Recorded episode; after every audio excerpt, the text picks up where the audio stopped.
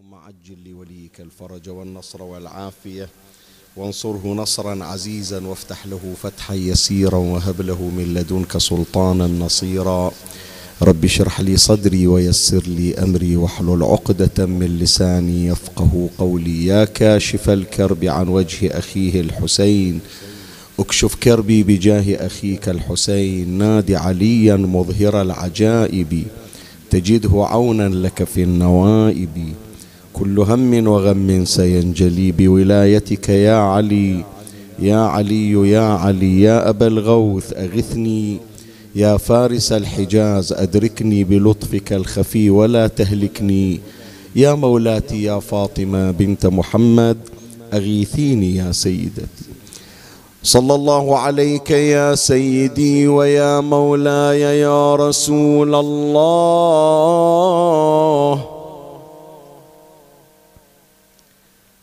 صلى الله عليك وعلى آلك الطاهرين.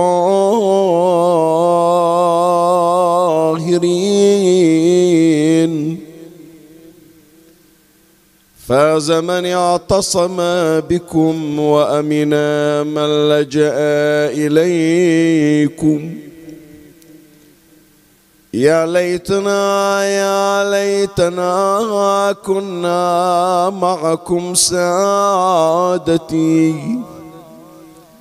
فنفوز فوزا عظيما يا غريب.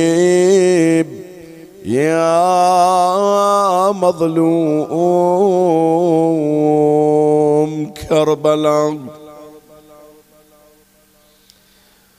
وتقول عاتبة عليه وما عسى يجدي عتاب موزع الأشلاي قد كنت للبعداء أقرب منجد واليوم أبعدهم عن القرباء. قد كنت في الحرم المنيع خبيئة. واليوم نقع اليعملات خباي ماذا أقول إذا التقيت بشامة أني سبيت وإخوتي بأزاي؟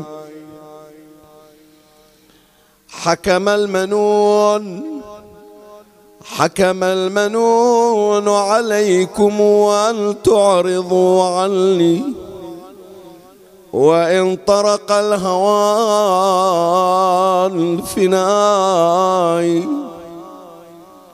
ما كنت أحسب أن يهون عليكم ذلي وتسيري إلى الطلقاء. هذه يتاماكم تلوذ ببعضها. هذه يتاماكم تلوذ ببعضها ولكم نساء تلتجي بنساء يتيمان مأسوران لا والد لنا يتيمان مأسوران لا والد لنا من الأسر يحمينا ولا من راحم خفف علينا القيد. وارحمنا يا سجان إحنا من أهل بيت النبي وبينا الدهر خان. مسلم أبونا والاهل كلهم سلاطين عم نجدنا علي صاحب البيعة وخالنا حسين وذيك العشيرة صاح بيها صايح البين. كلهم فرد ساعة وناموا فوق تربان. قالهم ذبحتوني ذبحتوني وفت قلبي حكيكم. قالهم ذبحتوني وفت قلبي حكيكم. صغار ويتامى شحال قلب امكم عليكم. هاليوم من الأيام من أيام يا بعد الأهل مروا بسبيكم. كلهم سبايا وخالكم راس على سنام بعيني شفت حرمة على ظهر المطيع. مثل الحمامة تنوح نوح الراعبية كل من نظرها قال هذه خارجية. نوب التحن ونوب نتباري الرضعان ويل حرمة وراها فوق مرت علينا قبلها دج والامهاد حرمة بظهرها من النواعد في التلكباد تنادي ذبحني فقد أخويا وفقد الأولاد. ضاعوا أولادي وخايفة غيلة العدوان. ويا الحرام عاينت شاب مقيدين. جن عليلو من العلام ما حنين. وكل ما يوني وحش العالم ونينا جن عليل ومن العلة الجسد نحلان. قالوا على وصفك هل مقيد بالزناجيل؟ هذا البقية من عشيرتنا البهاليل واللي تحن وتباري النسوان والعليل. هذه الوديعة مخدرة فارس الفرسان. واللي وراها فوقنا قد جري والنا وتنعى على الأولاد هذه الضايعة منايا. يا ليتنا بهالخبر لك شرما سمعنا. يا يا. ويا ليت نمنا ويا العشيرة فرد ميدان. وزينب على ظهر ناقتها والحبل في يدها. صاحت دلالي دلالي على الخد يا دمع عيني. دلالي دلالي من الونة انفطر مني. دلالي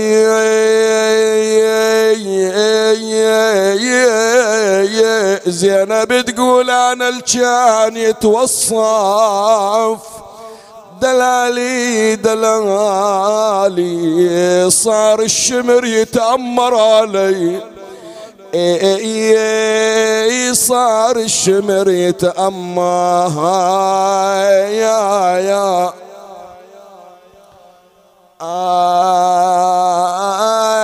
يا علي. إنا لله وإنا إليه راجعون. عن ابن عباس رضي الله عنه قال قال علي عليه السلام لرسول الله صلى الله عليه واله يا رسول الله إنك لتحب عقيلا قال إي والله. إني لأحبه حبين حبا له وحبا لحب أبي طالب له. وإن ولده لمقتول في محبة ولدك فتدمع عليه عيون المؤمنين. وتصلي عليه الملائكة المقربون. ثم بكى رسول الله صلى الله عليه وآله حتى جرت دموعه على صدره ثم قال إلى الله أشكو ما تلقى عترتي من بعدي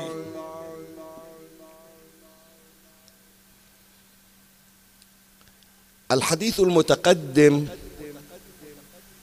والذي رواه العلامة المجلسي على الله مقام في بحار أنواره عن رسول الله صلى الله عليه وآله يشير إلى مقدار حب رسول الله صلى الله عليه وآله إلى ابن عمه عقيل بن أبي طالب عليه السلام أخي أمير المؤمنين صلوات الله عليه. وحينما يمر ذكر عقيل بن أبي طالب لا يمكن لأحد أن ينسى أو يتناسى أو يتغافل دوره. مع أمير المؤمنين عليه السلام وبعد رحيله في نهضة واقعة الطف. وإن حاولت بعض الأقلام المأجورة أن تنال من عقيل بن أبي طالب بحيث وصموه بعدة من الأمور. ولست في معرض أن آتي ببحث كامل حول عقيل بن أبي طالب وما قيل فيه من ذم ومن إساءة. لكن هذا المطلب تعرض إليه المحققون وأشاروا إلى أن عقيلا كان له دور بارز في الجانب الإعلامي لنصرة أمير المؤمنين سلام الله عليه. حتى صار شوكة في أعين أعداء أمير المؤمنين. وحتى صار شجا في حلوق كل من خاصم علي بن أبي طالب عليه السلام. وكعادة الجبناء إذا وجدوا أنفسهم عاجزين عن الإدلاء بالحجج والرد على الحجة بالحجة ومقارعة البرهان بالبرهان فإنهم ينالون من الشخص هذا. إلى لا أنت متبع. أنت من تصير صاحب حق وصاحب الباطل ما يقدر يواجه الحق يلجأ إلى عملية التشويه يلجأ إلى عملية وصم ناطق باسم الحق. حتى يقول هذا بعد لا تسمعون كلامه انظروا إلى شخصيته. فكأنما يصرف الناس عن القول إلى القائل. هذا مو من الآن هذا من قديم. وإن كان هناك تيار لا أحب أن أسمي هذا التيار لكن الحصيف يفهم واللبيب يعرف بمجرد التلميح والإشارة. إلى أن من ضمن الوسائل التي استخدمت أي شخص واجه حق علي بن أبي طالب وهو الحق ما يقدر يواجه هذا الحق؟ فيلجأ إلى تشويه الشخصيات المتبعة لأمير المؤمنين. جاءت كثير من التشويهات في سيرة الإمام الحسن عليه السلام. جاءت كثير من التشويهات في مجموعة من أصحاب الأئمة صلوات الله عليهم. ومن ضمن من نالوا منهم عقيل ابن أبي طالب. لأنه كما بينت لك عقيل تميز على غيره. عقيل كان يمضي إلى بيوت أعداء علي إلى مجالس أعداء علي إلى عقر دورهم. ويطرح الإشكالات ويجيب عليها وكان صاحب لسان سليط قوي وصاحب حجة وبرهان قويين وصاحب بديهة سريعة وجواب حاضر. زين فشي يسوون هم لا يقدرون يسكتونه ولا يقدرون يفندون كلامه فيضطرون إلى تشويه شخصيته. وحطوا كثير من الأشياء مو في صدد عرضها مجرد أنه أبين لك حتى يكون البحث نوعا ما يحتوي على الشمولية. الأسف يا إخواني أن بعض المحسوبين على الطائفة الشيعية الذي يفترض فيهم أن يكونوا مناصرين إلى عقيل مساندين له ولا يغيب عنهم هذا الكم الهائل من النصوص الواردة في مدحه ومقامه والذي ذكرنا واحدا منها. المفترض أنهم ينبرون إلى نصرة عقيل لكن كأنما تأثروا كأنما ما قرأوا قراءة متأنية فصاروا أيضا ينالون من عقيل بن أبي طالب. فعليه من وراء هذا الاستعراض سيكون حديثي لهذه الليلة عن عقيل بن أبي طالب وعن تضحياته شيء من التضحيات التي قدمها. وأحتاج إلى أن أمر على فصول ثلاثة لأطرح وجبة تكون نوعا ما دسمة حول شخصية عقيل بن أبي طالب لأننا في هذه الليلة نحتفي ببعض من أبناء عقيل بن أبي طالب من أحفاد علي بن أبي طالب وهما هذان الطفلان. هذان الطفلان محمد وإبراهيم ولدا مسلم ابن عقيل إذا ذكرتهما لا تستطيع أن تستغني عن قضية الحسين لأنهما ثمرة من شجرة واقعة الطف واحد. ثانيا لا يمكنك أن تتجاهل دور تربية أبيهما وهو مسلم ابن عقيل. ثم بعد ذلك لا يمكنك أن تغفل عن الأثر الذي زرعه عقيل بن أبي طالب حتى خرج هذين الطفلين. فإحنا إن شاء الله بحثنا هذه الليلة عن تضحيات. عقيل بن أبي طالب سيكون الحديث في فصول ثلاثة. أعرض لها على التوالي إن شاء الله ومن الله أستمد العون والتوفيق ومن مولاي أبي الفضل العباس المدد وألتمس منكم الدعاء. وثلاثا بأعلى الأصوات صلوا على محمد وآل محمد.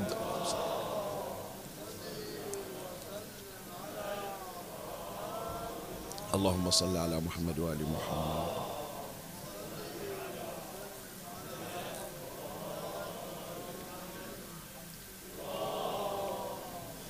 اللهم صل على محمد. فصول ثلاثة نستعرضها. أما الفصل الأول نتحدث خلاله عن التعريف بشخصية عقيل بن أبي طالب. من هو عقيل بن أبي طالب وما هي مميزاته؟ هذا في الفصل الأول. في الفصل الثاني الحديث الذي ابتدأنا به صدر المجلس ما نأخذ فقط من باب الاستشهاد والتمثل فحسب لا هذا الحديث يحتوي على دلالات مهمة. ففي الفصل الثاني أمر على دلالات النص الشريف الذي تلوته على مسامعكم. وأما الفصل الثالث فأستعرض فيه إن شاء الله بعضا من تضحيات عقيل بن أبي طالب. أما الفصل الأول اسمه عقيل. وأبوه أبو طالب ابن عبد المطلب ابن هاشم. وأمه فاطمة بنت أسد. وهو الأخ الثاني لأمير المؤمنين سلام الله عليه. ويفرق في الزمن بينه وبين أخيه علي بن أبي طالب عشرين سنة. لأن أمير المؤمنين عليه السلام عند ثلاثة من الإخوة. عند طالب وهو الأكبر ثم عقيل ثم جعفر ثم يأتي علي عليه السلام. طبعا عند خوات. إحنا نشير إلى الذكور. بين كل أخ عشر سنوات. فبين طالب وعقيل عشر سنوات. وبين عقيل وجعفر عشر سنوات. وبين جعفر وعلي عشر سنوات. فالفاصل الزمني بين أمير المؤمنين عليه السلام وبين أخيه عقيل عليه السلام عشرون سنة. ولد عقيل في السنة العاشرة قبل عام الفيل. النبي صلى الله عليه وآله ولد في عام الفيل يعني عقيل يكبر النبي سنا بعشر سنوات. وتوفي عقيل بن أبي طالب في السنة الخمسين للهجرة يعني قبل شهادة الإمام الحسن عليه السلام بسنة واحدة. وعمره ستة وتسعون سنة. كبر سنه وقضاها في المحاججة والمخاصمة والدفاع عن الحق والاستماتة في أحقية أمير المؤمنين أخيه عليه السلام. حتى أنه كف بصره في ختام حياته وفارق الحياة ودفن في مقبرة البقيع من تروح إلى البقيع من ضمن القبور التي تزار قبر عقيل ابن أبي طالب أخي أمير المؤمنين عليه السلام. يكنى بأبي يزيد. النبي صلى الله عليه وآله يخاطبه يا أبا يزيد وأكبر أولاده اسمه يزيد. وشارك في معركة مؤتة التي جرت في الأردن كان من ضمن المشاركين. وفي غزوة حنين هذه الغزوة التي كثير من المسلمين مع الأسف كما ذكر القرآن الكريم إذا أعجبتكم كثرتكم صار عندهم عند البعض. شيء من الغرور الله تبارك وتعالى أراد أن يعطيهم درسا فانهزموا في بادئ الأمر وتركوا رسول الله صلى الله عليه وآله. حتى أن العباس ابن عبد المطلب صار يخاطب المسلمين ويقول يا أصحاب سورة البقرة. ويطلب منهم الرجوع للدفاع عن النبي صلى الله عليه وآله. يذكرون في غزوة حنين أنه في الانكسار الأول والانهزام عن رسول الله وهذا تكرار إلى غزوة أحد. إحنا نمر علينا قضية غزوة أحد. وكيف أيضا أنهم لخطأ وهو التعلق بالغنائم. تقاعس البعض فتسببوا بانكسار لجيش المسلمين أصيب على إثره رسول الله صلى الله عليه وآله. ثم تكررت الحادثة في غزوة حنين. أصابهم الغرور لكثرتهم فأدبهم الله تبارك وتعالى بأن جاءت هجمة من المشركين تركوا رسول الله صلى الله عليه وآله وثبت مع النبي تسعة أشخاص من هؤلاء التسعة منه عقيل بن أبي طالب فيعدونها واحدة من مناقبه واحدة من مزاياه أنه من الذين ثبتوا مع رسول الله صلى الله عليه وآله في وقت الانهزام. في غزوة حنين. هذا ما يذكره الشيخ المفيد وغير الشيخ المفيد. هذا من ضمن ما أثر عنه. بعد عقيل ابن أبي طالب من يذكر اسمه؟ يذكرون عادة أرباب السير أنه كان من أكثر العرب تميزا في علم النسب. هذا يمكن الآن يا إخواني في هذا الزمن اللي نحكي عنه. الآن يمكن البعض يعتبرونه من ترف العلوم.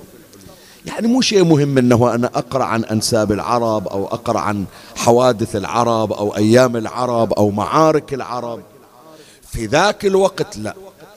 في ذاك الوقت يعتبر من أهم العلوم. اليوم عندك أنت إحصاء عندك أجهزة تتولى هذا الأمر ذاك الوقت. لا من الذي يتولى؟ التعريف بالأنساب التعريف بالشخصيات التعريف بالمزايا إثبات التواريخ منو يتولى؟ قلائل الذين يعرفون بعلم النسب.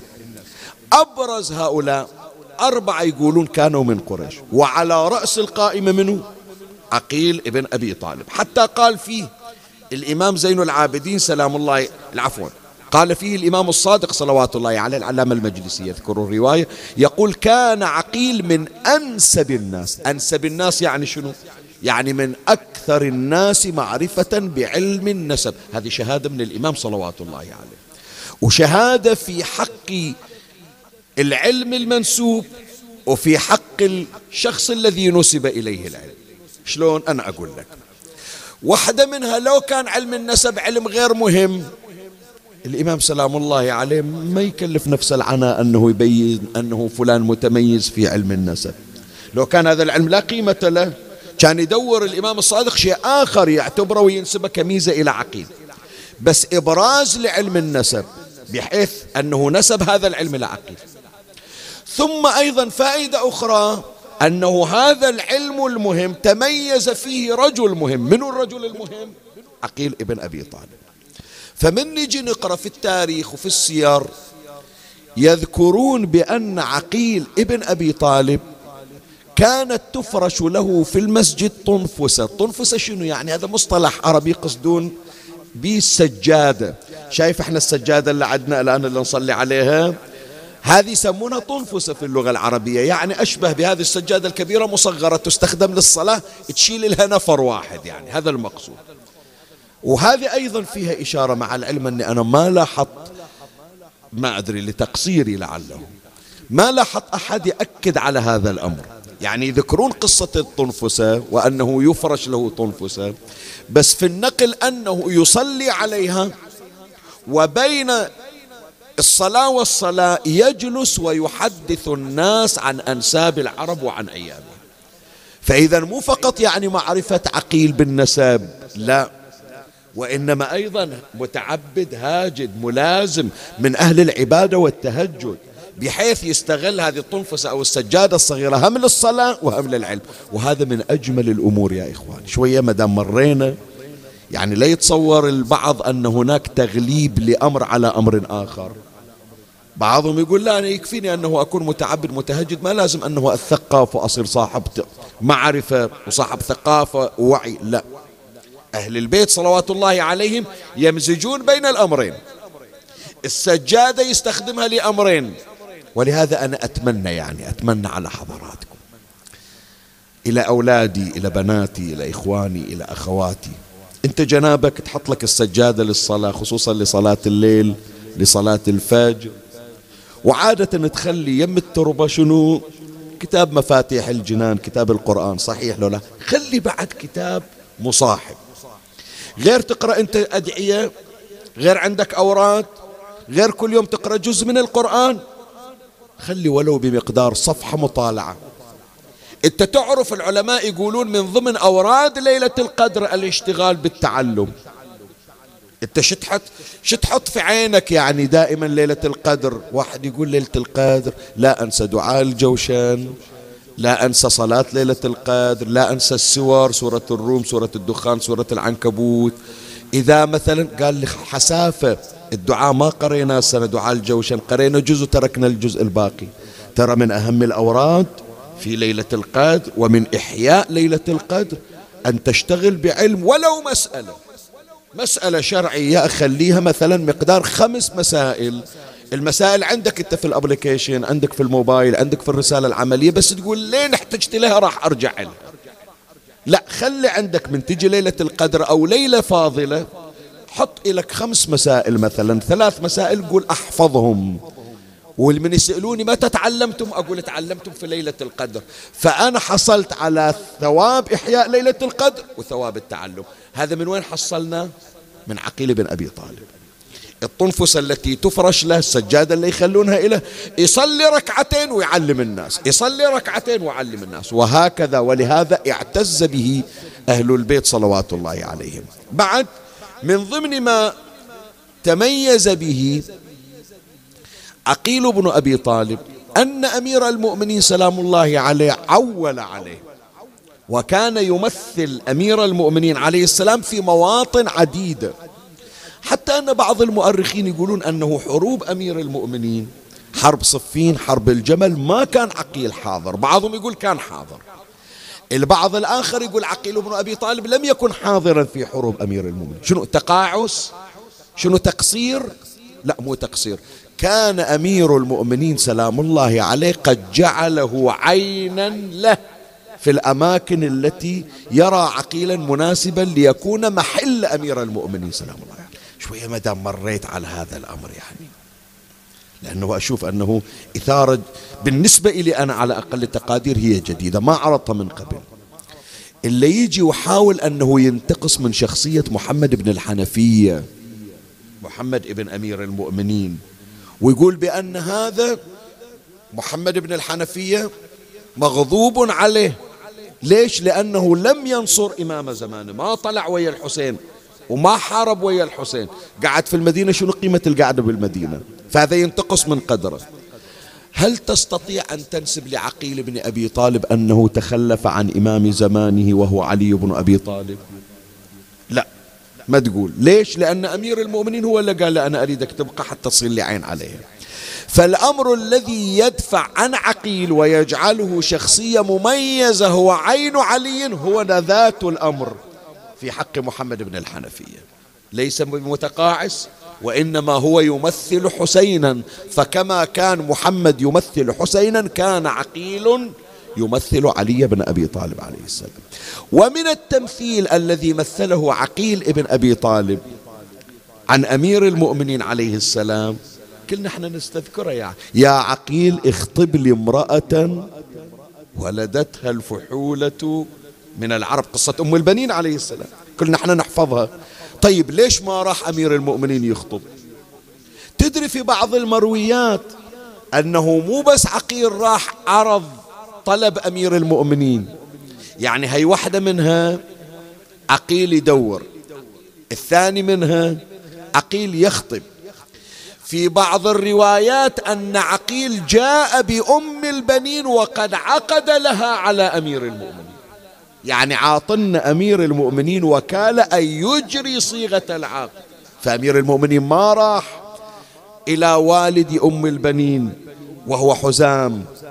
وعقد أمير المؤمنين وجابها. لا هو عقيل أخذ الأمر كل الطاقم واحد كله مثل ما نقول باكيج واحد.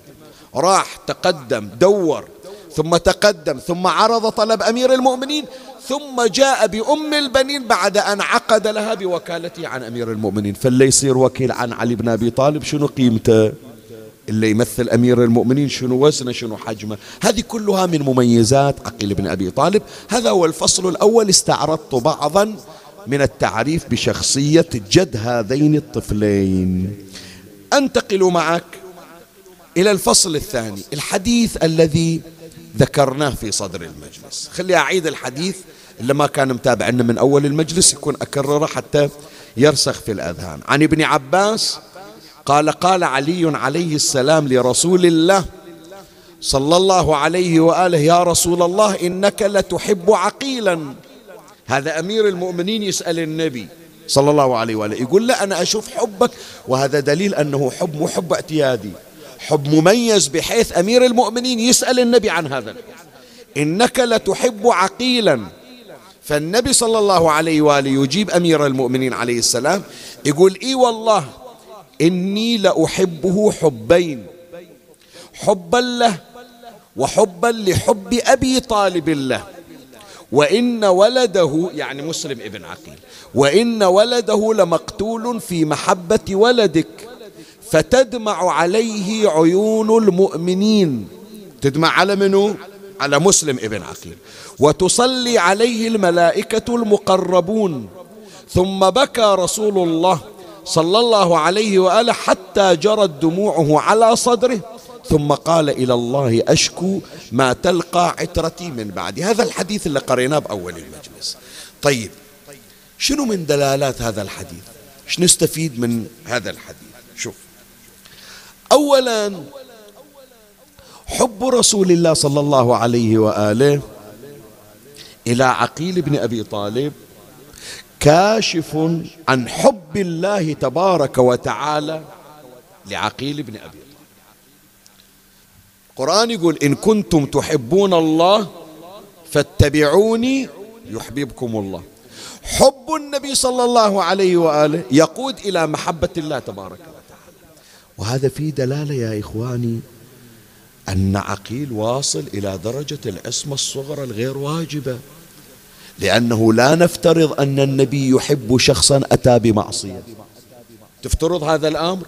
لو كان عقيل يرتكب المعاصي والذنوب وحاشا أيحب النبي شخصا عاصيا مذنبا يغضب الله عز وجل؟ يرضى الله لرضاها ويغضب لغضبها. رضا أهل البيت. هو الإمام الحسين يقول رضا الله شنو؟ رضانا. إلا يرضون عنا أهل البيت. يعني الله راضي عنا والله ما يرضى عن العاصي. فإذا هذا فيه إشارة إلى عصمة عقيل الصغرى. وهو كاشف عن حب الله تبارك وتعالى. هذا واحدة من دلالات هذا النص. الثانية من دلالات هذا النص. شوف وين راح أوديك الآن؟ إلى شهر رمضان. مو بصفر رجعنا إلى شهر رمضان. إحنا عادة نتكلم عن أبي طالب في شهر رمضان مو تمام؟ أو اللي يقرأ شهادة أبي طالب في شهر رجب. وكأنما الحديث عن أبي طالب مخصص فقط في هذين الوقتين. من ذكر في طيلة أيام السنة؟ لا. الليلة أريد أذكر, أذكر لك أبي طالب. النبي يقول إي والله أحبه حبين. حبا له وحبا لحب أبي طالب له. تدري إيش استفادوا العلماء من هذا؟ أن حب أبي طالب للشخص حجة وموضع تأسي واقتداء لرسول الله صلى الله عليه وسلم. خو النبي من يحب واحد كافي. بس النبي يريد يقول بأنه مدام أبو طالب يحب عقيل حب أبي طالب كحب رسول الله. حبهما حب الله تبارك وتعالى. اللي يحب أبو طالب يعني الله يحبه. ليش؟ سؤال. سئل أمير المؤمنين سلام الله عليه عن آخر الأوصياء. يقولون عرفنا بأن خاتم الأنبياء هو سيد الرسل محمد صلى الله عليه وآله وسلم. زين هذا عرفنا خاتم الأنبياء محمد. خاتم الأوصياء اللي قبلك آخر وصي منه أمير المؤمنين قال أبي. أبويا آخر أوصياء إبراهيم الخليل. كان وصيا عنه ويبلغ الديانة الحنيفية. فأيضا رضا أبي طالب هو رضا الله. حب أبي طالب هو حب الله. فيقول النبي هذه إشارة إلى مقام أبي طالب أن من يحبه أبو طالب فالله يحبه. فلهذا يقول حبين حصل. شوف إيش حجمه. عقيل حب من النبي له وحب من أبي طالب له وحب أبي طالب يقود إلى حب النبي صلى الله عليه وآله. له هذه الدلالة الثانية. الدلالة الثالثة هذا الحديث في جانب إعجازي لرسول الله صلى الله عليه وآله. وهو الإخبار عن مقتل مسلم ابن عقيل. وإن ولده لمقتول في محبة ولدك. شوف إخبار بأنه راح يجيه ولد وهو مسلم. وهذا الولد راح تنتهي حياته بالقتل. هذا إخبار الثاني والإخبار الثالث أن سر القتل شنو؟ سببه؟ حب الحسين ونصرة الحسين عليه السلام. فهذا جانب إعجازي من مغيبات رسول الله. عشاق المتابعة والمطالعة. أكو كتاب يسمونه الأخبار الغيبية. يا ريت أتمنى أحبائي إذا تقدرون تسجلون اسم الكتاب وخلوا عندكم يوم من الأيام إن شاء الله تحصلون الكتاب. جدا هذا الكتاب مهم الأخبار الغيبية. ماخذين من النبي صلى الله عليه وآله من أمير المؤمنين عليه السلام من الأئمة المعصومين شنو ذكروا من قضايا ستقع في المستقبل ووقعت كتاب جدا مهم أكثر من جزء أتصور ثلاثة أجزاء. هو هي واحدة منها من إعجازات رسول الله. بعد مسلم ما خلق بعد مسلم ما ولد. النبي صلى الله عليه وآله أخبر بأنه راح يجيه ولد. وهالولد راح تنتهي حياته بالقتل وسر القتل؟ وسببه نصرة الحسين سلام الله عليه. هذا من ضمن دلالات هذا الحديث. بعد من دلالات هذا الحديث يبين شيء من مقامات مسلم ابن عقيل أن البكاء على مسلم علامة من علامات المؤمن. فلهذا النبي صلى الله عليه وآله يقول فتدمع عليه عيون المؤمنين. يعني هذا اللي يتوفق أن يكون باكيا على مسلم البكاء على مسلم كاشف عن إيمان. الشخص الباكي على مسلم. هذا بإخبار النبي صلى الله عليه وآله. لا ويكشف عن مقامات مسلم ابن عقيل أن الملائكة تصلي على مسلم. فلهذا شوف من تقرأ في زيارة مسلم ابن عقيل هي زيارة العباس عليه السلام. أول ما تبدي شنو؟ سلام الله وسلام ملائكته شنو؟ المقربين وأنبيائه والمرسلين وال وعباده الصالحين والزاكيات الباقيات فيما تغتدي وتروح عليك يا مسلم ابن عقيل مثل العباس عليه السلام. من وين جابوها أنه تصلي وتسلم على الملائكة المقربون؟ من حديث النبي صلى الله عليه وآله هذا الحديث الذي ذكرناه. بعد ختاما الدلالة الخامسة حتى ننتهي من هذا الفصل ونروح للفصل الأخير. بكاء رسول الله الشديد على مسلم ابن عقيل. بحيث وصفته الرواية أنه بكى على مسلم حتى أن دموع سقطت على صدره. شنو قيمته مسلم في قلب رسول الله؟ بحيث من يبكي النبي عليه مو مجرد ينكسر قلبه ولا فقط أنه عينه يصير بها دمع ولا فقط الدمعة تسيل على خده بل يتساقط ويتقاطر الدمع على صدر رسول الله وهذا يدل على تأثر النبي الشديد على مسلم ابن عقيل. هذا في الفصل الثاني دلالات هذا الحديث حتى ما نتجاوز من غير أن نقف على ما فيه من أسرار. خلنا نجي الآن إلى الفصل الثالث والأخير وهو ختام الحديث. ونذكر فيه بعضا من تضحيات عقيل بن أبي طالب. الشخصية المظلومة الشخصية المهتضمة الشخصية اللي إلى الآن مع الأسف يعني أنا أقول لك ما أعطيناها حقها وقدرها من العناية. شلون؟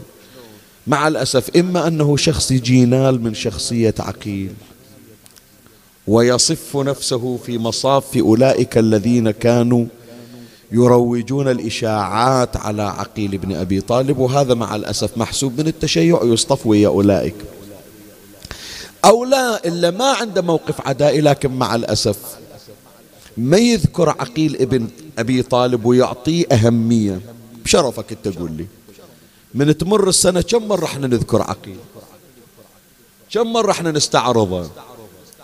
حتى جنابك من الله يعطيك وتروح إلى البقيع. فكرت أنه تعطي على الأقل أهمية إلى قبر عقيل بن أبي طالب وتوقف عنده إلا النبي يحبه.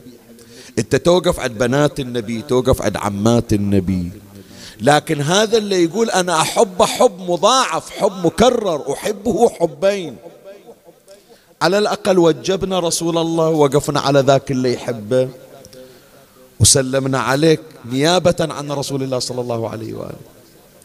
ثم هل فكر أحدنا أن عقيل ابن أبي طالب مجرب كما أن ولده مسلم مجرب لقضاء الحوائج وهو باب من أبواب الحوائج إلا يعتمد عليه أمير المؤمنين؟ سلام الله عليه وهو حلال المشاكل.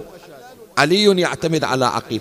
تدري بنات رسول الله يوم العاشر لما خرجنا من المخيمات ينادين وعقيلاه يستغثن بعقيل ابن أبي طالب. أنت مستغني عن عقيل لكن زينب ترى عقيلا باب من أبواب الحوار قيمة عقيل؟ فخلي نمر الآن في الفصل الأخير نبين بعضا من تضحياته. أما التضحية الأولى مواساته لأمير المؤمنين سلام الله عليه في مشروعه الإصلاحي. شوي حط بالك للكلمة. أمير المؤمنين عليه السلام. من إجا إلى الكوفة هذه الحكومة التي استمرت إلى قرابة خمس سنوات. بعد ترد في الوضع الحكومي آنذاك. الناس عرفوا بأنه اللي يجي إلى كرسي الحكم يدور فقط مصلحته. أموال المسلمين سرقت أموال المسلمين نهبت. فصار عندهم ردة فعل أنه هذا اللي يتولى الكرسي لا يعرف الله ولا رسول الله. يتحلى بلقب. الانتماء إلى رسول الله وهم يسرقون أموال الله وأموال رسول الله. إجى أمير المؤمنين عليه السلام بمشروع إصلاحي.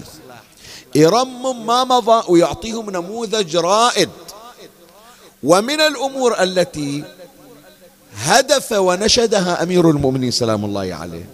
يقول أنا أريد أنا ولا حولي الراوي الناس بأنه حتى الأمور المباحة لنا إحنا نترفع عنها ونعطيها إلى سائر الناس وإحنا نكون في آخر الصف. يعني إذا شبعت الناس كلها إذا لبست الناس كلها إحنا آخر الناس ناخذ الناس ثم نحن. خلي أذكر لك كلمة لأمير المؤمنين سلام الله عليه تبين خطته في إعادة الثقة في الذي يتولى كرسي الحكم. يقول أمير المؤمنين سلام الله عليه ولو شئت لاهتديت الطريق إلى مصفى هذا العسل ولباب هذا القمح ونسائج هذا القز أعرف آكل أحسن أكل ألبس أحسن لبس شايف؟ ولكن هيهات أن يغلبني هواي ويقودني جشعي إلى تخير الأطعمة. شاهدنا في الكلمة ولعل بالحجاز أو اليمامة من لا طمع له في القرص ولا عهد له بالشبع. أو أبيت مبطانا وحولي بطون غرثا وأكباد حرا. أو أكون كما قال القائل وحسبك داء أن تبيت ببطنة وحولك أكباد تحن إلى القد أأقنع من نفسي بأن يقال أمير المؤمنين ولا أشاركهم في مكاره الدهر أو أكون لهم أسوة في جشوبة العيش؟ يقول أنا داخل في مشروع تقشف أنا وأولادي ومن حولي راح نبين للناس أنه إحنا الأموال قدامنا الذهب والفضة قدامنا بس لا. جايين إحنا حتى نوزعها إلكم. إحنا ما نأخذ من عندها شيء. عقيل ابن أبي طالب دخل ويا أمير المؤمنين في هذا المشروع. وصار مواسي للناس كأخيه علي بن أبي طالب. بحيث أثرت هذه المواساة مو بس عليه مو بس هو عقيل حتى الأطفال الصغار. إن شاء الله المجلس التالي في مأتم كربابات حديثنا عن آل عقيل. هذا المجلس نتحدث عن عقيل المجلس الثاني عن آل عقيل. وراح نبين ميزتهم ومقاماتهم. خلي أنقل لك كلام أمير المؤمنين سلام الله عليه. يصف تضحية أخيه عقيل وتضحية أولاده الصغار. يقول أمير المؤمنين سلام الله عليه والله لقد رأيت عقيلا وقد أملق. أملق يعني شنو؟ يعني ما عنده شيء. فعلا ما عنده شيء يستحق حتى الصدقة. والله لقد رأيت عقيل صدقة طبعا مو صدقة الواجبة لأن الصدقة عليهم حرام لكن وصل إلى درجة بحيث يستحق الإغاثة. والله لقد رأيت عقيلا وقد أملق حتى استماحني من بركم صاعة. صاعة يعني شقد ثلاث كيلوات أقل من ثلاث كيلوات. مو إلى لا إلى عياله. وجاي طالبينها من عندي يقول أريدها بس سلف راح أرجع قيمتها. وصلنا إلى حد ما نقدر نعيش.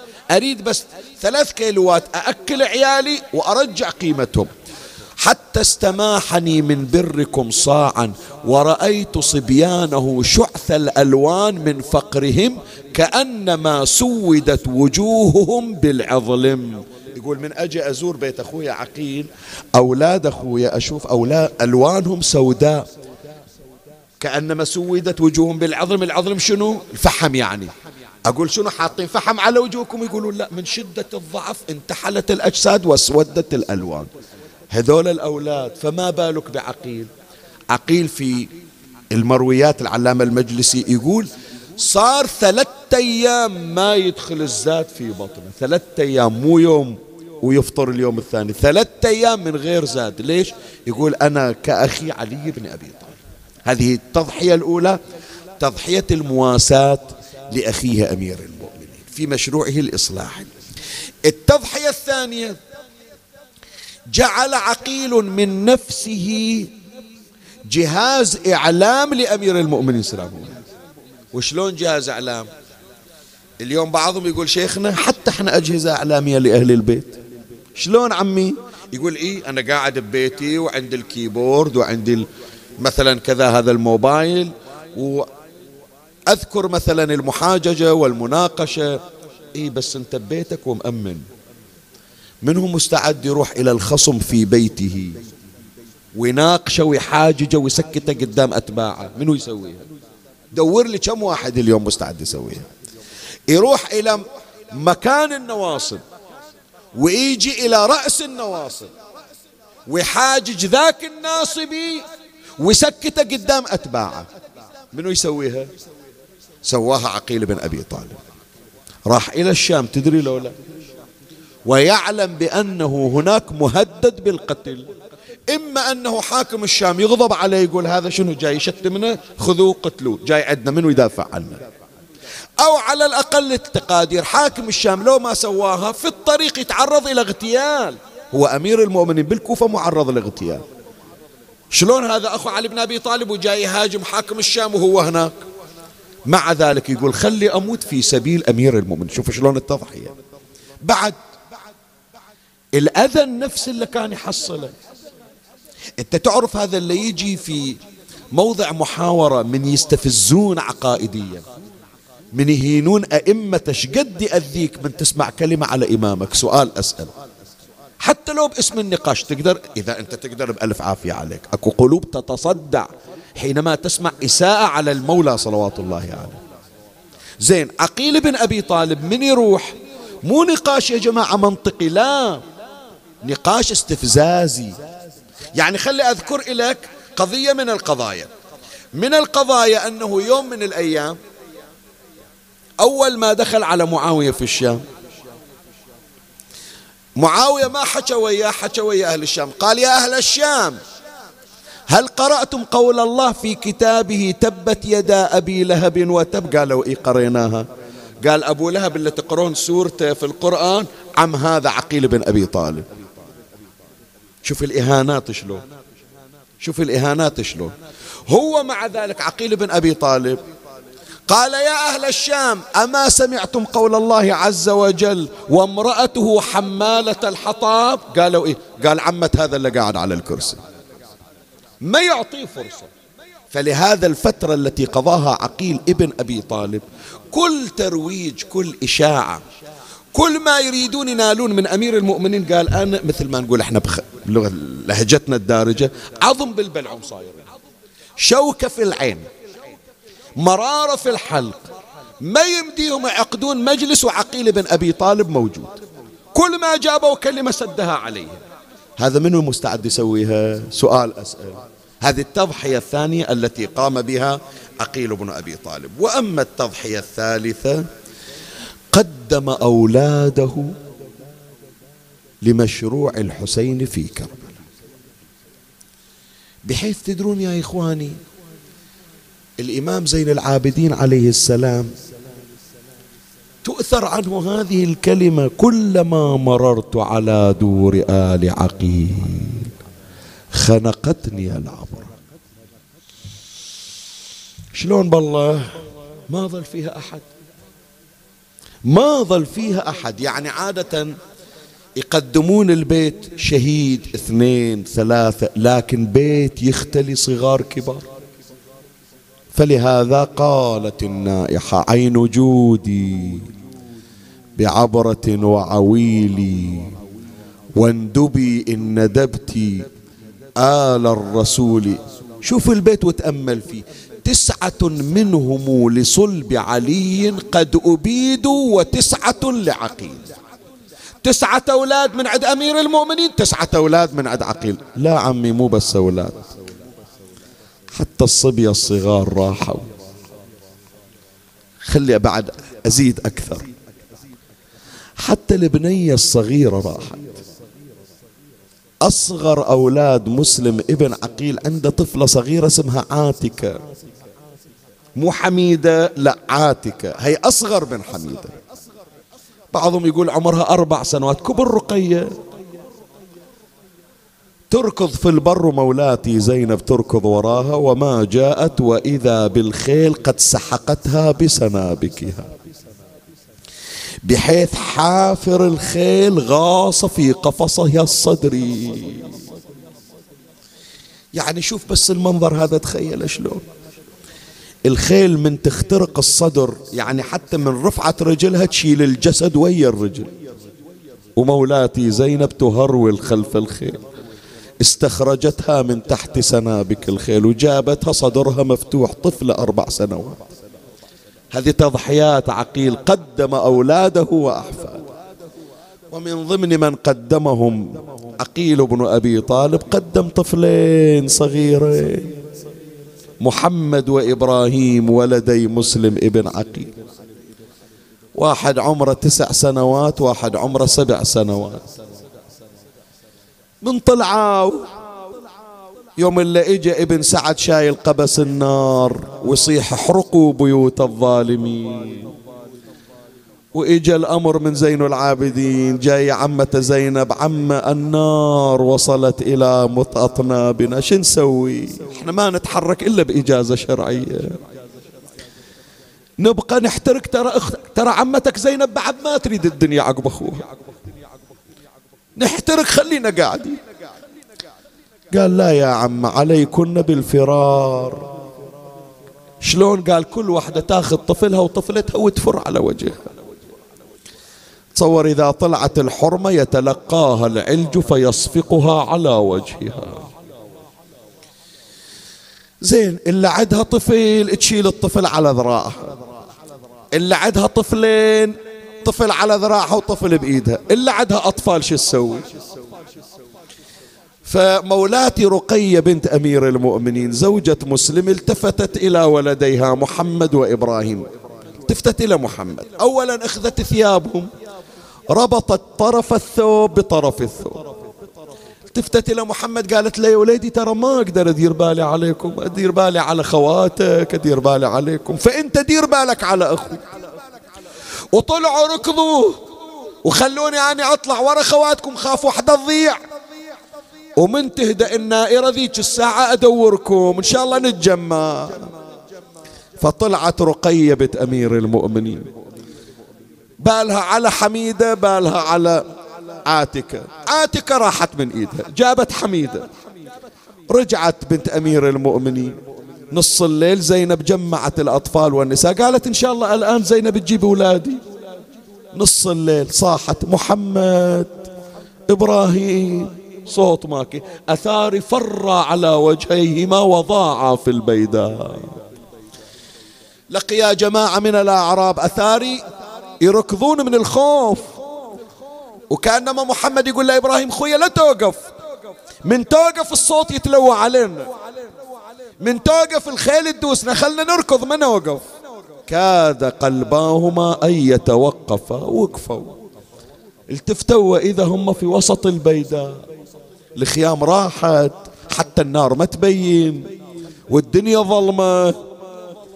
قعدوا على التراب. ولما أصبح الصباح مر جماعة من الأعراب. محمد التفت إليهم. قال هل لكم أن تأخذونا إلى خيم خالنا الحسين? قالوا أنتم راكضين من المخيم بل نأخذكما إلى عبيد الله بن زياد فيعطينا الجائزة. وأخذوهم يجران اليتيمين على الأرض الحارة. جابوهم إلى الكوفة. دخلوا على عبيد الله بن زياد. قالوا جايبين لك هدية صوغة. إيش جايبين؟ طفلين هربا من خيم الحسين. بعده أمهم ما جابوها سبية بعده خواتهم ما وصلن. فلما سمع عبيد الله بن زياد أرسل إلى السجان قال خذهما إلى السجن وضيق عليهما. من طيب الطعام فلا تطعمهما. من بارد الماء فلا تسقيهما. وثقل عليهما بالحديد والأغلال طفلين شو بسوي ولكم ما تخافون من الله. أخذ السجان اليتيمين زج بهما في السجن وضع عليهما القيود والحديد والأغلال. يجيبون إلهم في اليوم قرص واحد. وكوز ماء هذا محمد ياخذ القرص يقسمه بالنص خويا أكل بالألف عافية. زين وانت يا خويا قال ما أكل. أول تأكل وتشبع تالي أنا أكل. الماء حار. طفلين ذولا. فلجأ إلى الصيام فكانا يصومان النهار ويفطران بالليل. وإذا أفطرا قاما للصلاة وللتهجد والعبادة ومر عليهما عام كامل في السجن لا يدرون أمهم وين راحت لا يدرون إخوانهم وين ما يدرون خواتهم وين. انتحلت أجسادهما. وصفهما الواصف فصارا كالطيرين المنتوفين من شدة الضعف. سجان يروح سجان يجي يبدلون السجانين. ذاك اليوم جايبين سجان ألزم بأن يكون سجانا. عنده في قلبه محبة إلى أهل البيت. التفت إبراهيم الصغير إلى أخي محمد قال له أخويا ألا نخبر هذا السجان بحسبنا ونسبنا؟ لعله يرق علينا. قال له الأمر كما تقول. من إجا السجان نص الليل حمل السلاسل وأقبل إلى ذلك الشيخ يبكي. من شافهم يا حبيبي من أنتما؟ أنا جابوني توني ما أدري. لبالي هذا السجن كله من كبار. الآن أنتم أطفال صغار شو مجيبينكم؟ حتى لو مجرمين. شو مسوي من جريمة اللي حاطين عليكم قيود؟ قالوا سنة إلنا بالسجن. قال يا حبيبي من أنتما؟ قال يا شيخ هل سمعت عن محمد المصطفى؟ قال بلى هو نبي. قال فهل سمعت عن علي المرتضى؟ قال بلى هو إمامي. اطمأن. قال فهل سمعت عن عقيل بن أبي طالب؟ قال عرفة. قال فهل سمعت عن مسلم ابن عقيل؟ قال رأيت جنازته تسحب بالحبال في الأسواق. قال يا شيخ فنحن ولدا مسلم ابن عقيل.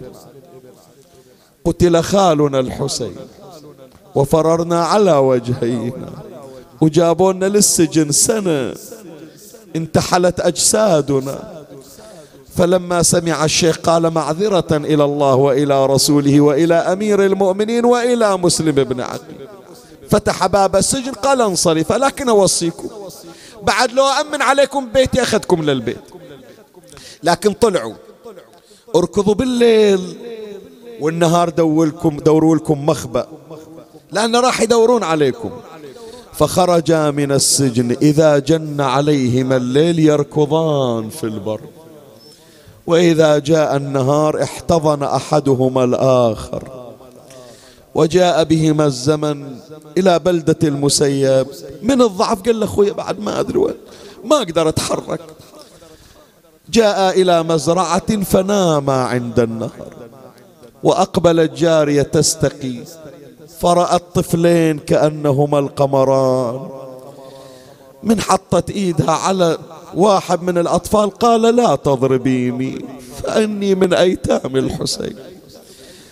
دمعت عين الجارية قالت لا بأس عليكما إن سيدتي تحب أهل البيت خلوني أوديها أوديكم إلها فجاءت بالطفلين إلى سيدتها العجوز. قالت أوقفوا على الباب خلي أخذ لكم رخصة. طبت قالت سيدتي جايبة إلك هدية. وكانت تحب أهل البيت. قالت إيش جايبة؟ قالت تعالي شوفي منو عند هالبيت. شوفي عند الباب منو واقف. جاءت العجوز فتحت الباب وإذا يتيمين يكسرون الخاطر شعورهما متدلي على كتفيه. من أنتما يا حبيبي؟ قال أنا محمد وهذا أخي إبراهيم ولدا مسلم ابن عقيل. قتل خالنا الحسين وهربنا فارين وحبسنا في السجن سنة كاملة. وقد جاءت بنا جاريتكم فهل لكم أن تضيفونا سوادا شوف أولاد الزهرة صاير بيهم. فلما سمعت العجوز قالت تعال يا حبيبي إلى داري. لكن أنا عندي ولد والولد عاق وطالع يدور عليكم خايفة قال بس الليلة باكر نطلع. نشوف البر وين يودينا. فجاءت بهما إلى الدار وجعلتهما في دار في دار منزوية. ووقفا يصليان صلاة الليل. فلما فرغا من الصلاة التفت محمد إلى أخي إبراهيم. قال له أخويا قال له ها يا أخويا قال تعال يا حبيبي أضمك إلى صدري وتضمني. وأقبلك وتقبلني. فإني أظن بأن هذه الليلة هي آخر ليلة لي معك. أشوف طاير الموت كأنه يحوم علينا. شوف أهل الله شلون. حط راس أخوه على ذراعه ونام وياه. وأقبل ذلك الشقي. طرق الباب والعجوز خائفة. من؟ قال ولدك افتحي. قالت ما الذي جابك؟ انت مو طالع ويا ربعك. شو جايب لك قال افتحي فقد تعبت وتعب فرسي. قالت ابتغي دارا غ... قال افتحي والا كسرت الباب. فتحت الباب. إيش عندك ساد الباب؟ قالت ما عندي شيء. سمع صوت غطيط الغلامين طفل نايم وتعبان ويبكي. صوته ينسمع. قال من عندك في الدار؟ حاولت أن تخفي عليه فضرب أمه وألقاها. وأقبل يخور كالثور الهائج ووصل إلى الدار التي فيها اليتيمان. جاء إليهما وهما نائمين فوضع يده على الكبير. أفاق فزعا من أنت؟ قال أما أنا فصاحب الدار ولكن من أنتما؟ قال لا يا شيخ نخبرك ولنا الأمان. قال أخبراني ولكم الأمان. قال أمان الله ورسول الله. قال أمان الله ورسول الله. قال والله على ما تقول شهيد. قال والله على ما تقولان شهيد. قال ومحمد جدنا وكيل. قال ومحمد رسول الله وكيل. إيش عندكم؟ قال نحن ولدا مسلم ابن عقيل. أجارتنا عجوزتكم هذه الليلة. باكر نمشي عنكم. وإن شاء الله تجازيكم أمنا فاطمة. قال أنتما هنا؟ وقد أتعبت نفسي وفرسي في طلبكما ثم رفع يده ولطم الأخ الكبير على وجهه. فلما أحس باللطم سقطت أضراسه على الأرض. أقبل الأخ الصغير وهو يقول لا تضرب أخي. فرفع رجله ليتها شلت وركله في خاصرته فكسر ضلعا من أضلاع الله لا يروع أولادكم. ترى من نقراها كأنها من مصايب عاشوراء ثم قيد يديهما ورجليهما بالحبال. ولما جاء الصباح أخرجهما يسحبهما على الأرض حتى تقشر وجهاهما وجابهم إلى نهر الفرات. وقد استل سيفه يريد قتلهما. وهو محمد يلتفت إليه. قال يا شيخ ارحمنا لصغر سننا. قال ما جعل الله في قلبي عليكما من رحمة؟ قال ارحمنا لقرابتنا من رسول الله. قال ليس بينكما وبين رسول الله قرابة. قال بعنا في السوق وانتفع بثمننا. قال بل آخذكما إلى ابن زياد وآخذ الجائزة منه. قال خذنا حيين إلى ابن زياد. قال أخاف أن يأخذكما غيري. قال يا شيخ إذا أمهلنا نصلي لربنا؟ قال صليا إن نفعتكما الصلاة. وقف اليتيمان يصليان ودموعهما تجري على خديهما. ولما انفتل من الصلاة رفعا يديهما الصغيرتين إلى السماء وهما يقولان اللهم احكم بيننا وبين من ظلمنا يا عدل يا حكيم. ثم التفت محمد إلى ذلك الشقي. قال يا شيخ لي إليك حاجة. قال له شو تريد بعد؟ قال إن أردت ذبحنا فاذبحني قبل أخي الصغير. إبراهيم يقول لا لا قدمني أنا قبل أخويا. قال بحق عم بحق جدي علي بن أبي طالب. وبحق أمي فاطمة الزهراء اذبحني قبل أخي يا شيخ. إيه ليش راح تذبحون؟ قال لما كانت ليلة الحادي عشر وضعت أمي يد إبراهيم في يدي وقالت يا محمد إن أخاك أمانة عندك أخاف تلقاني أمي وتعاتبني. اذبحني حتى ابري ذمتي قدام أمي. قال لأنعمنك عينا ثم رفع السيف وضرب محمد على رأسه فقطع رأسه. وين الصيحة؟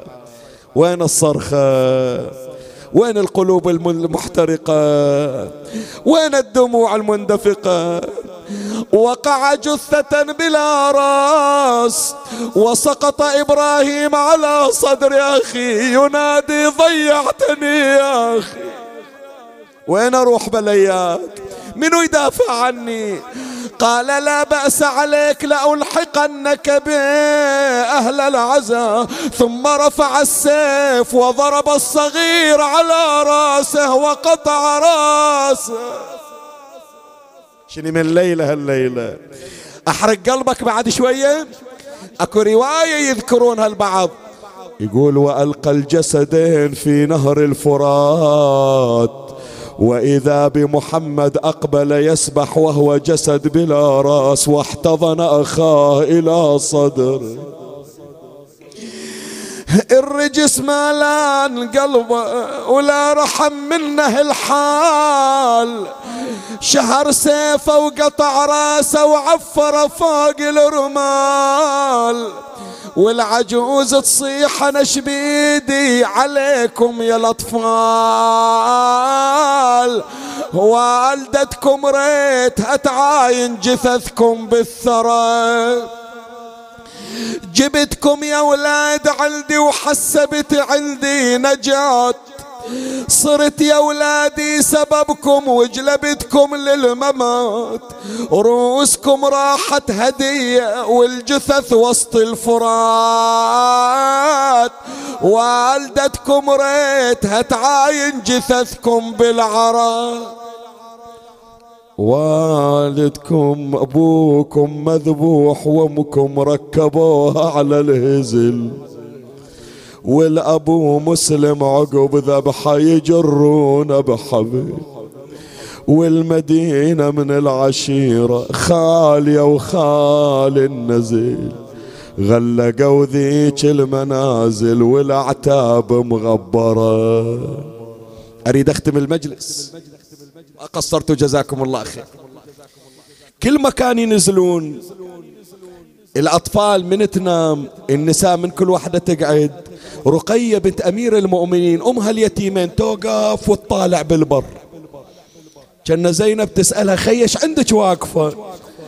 تقول يمكن أشوف أولادي طايفين يمكن يمرون بهالطريق. من جابوهم للكوفة قالت ما شفتون يتيمين ضايعين مثل الأقمار. من وصلت رقية بنت أمير المؤمنين إلى المدينة وشافت بيوت المدينة. قال شقول قالت شقول لمحمد عمكم شقول إلى أم البنين؟ خرجنا من كبل أهلينا جمعا رجعنا لا رجال ولا بنينا وزينب صاحت مدينة جدنا. لا تقبلينا فبالحسرات والأحزان إلى حفظ بيوتكم إلى السلامة لكم. خلي بيت الختام أسمع صوتك. زينب تونش تصيح دارك حياتي خلصت والعمر. دارك وشف الموت مدري شلون. دارك دارك. كل المجلس خليه يصيح دارك. زينب تقول دقل شلون أطب يا حسين. دارك شلون اسكن وهي وحشة وخلي؟ إي شلون اسكن وهي وحشة؟ إي